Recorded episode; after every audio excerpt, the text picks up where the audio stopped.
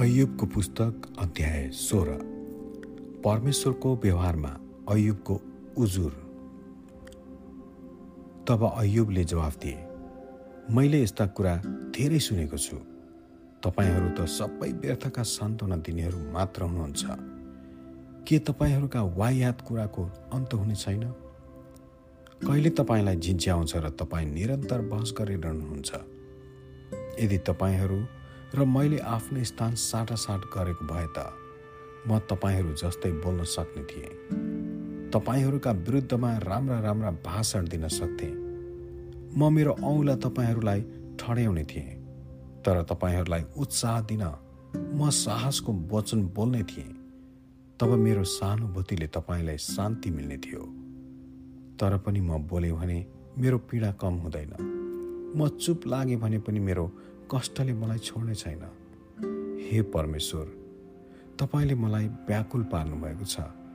तपाईँले मेरो परिवारलाई सखाप पार्नुभएको छ। तपाईँले मलाई बाँच्नु भएको छ र मेरो कुरा साक्षी भएको छ। म हड्डी र छाला भएको छु। यसैले मेरो विरुद्धमा साक्षी दिन्छ। क्रोधमा परमेश्वरले मलाई छिन्न भिन्न पार्नुहुन्छ र मेरो विरुद्धद्वारा किट्नुहुन्छ। मेरा शत्रुले मलाई तर्केर हेर्नुहुन्छ। मानिसहरू मेरो गिल्ला गर्छन्। तिनीहरू मलाई थप्पड लाउँछन्। तिनीहरू मेरा चारैतिर मेरो विरुद्धमा एक हुन्छन्। परमेश्वरले मलाई कुकर्मीहरूका हातमा छोडिदिनु भएको छ र दुष्ट मानिसहरूका हातमा फालिदिनु भएको छ।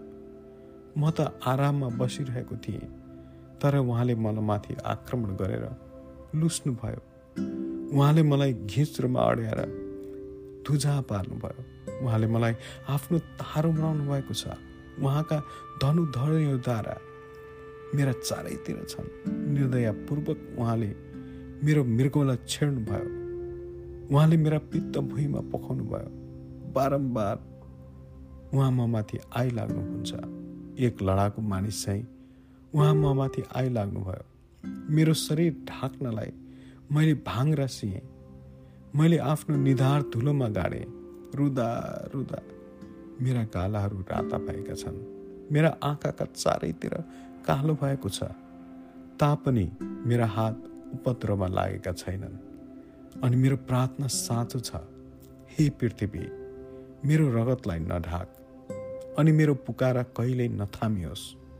किनभने अहिले मेरा गवाई त स्वर्गमा हुनुहुन्छ। मेरो निम्ति जवाफ दिनलाई उच्चमा एउटा वकिल तयारी हुनुहुन्छ। मेरा मध्यस्थ मेरा साथी हुनुहुन्छ। जसै मेरा आँखाले परमेश्वरको अघि आँसु बगाउँछ। मानिसको निम्ति परमेश्वरसित तिनी बिन्ती गर्छन्। जसरी मानिसले आफ्नो साक्तिको निम्ति बिन्ती गर्दछ म फेरि नफर्किने यात्रामा लाग्नभन्दा अघि रहेका वर्षहरू थोरै मात्र छन्। अमेन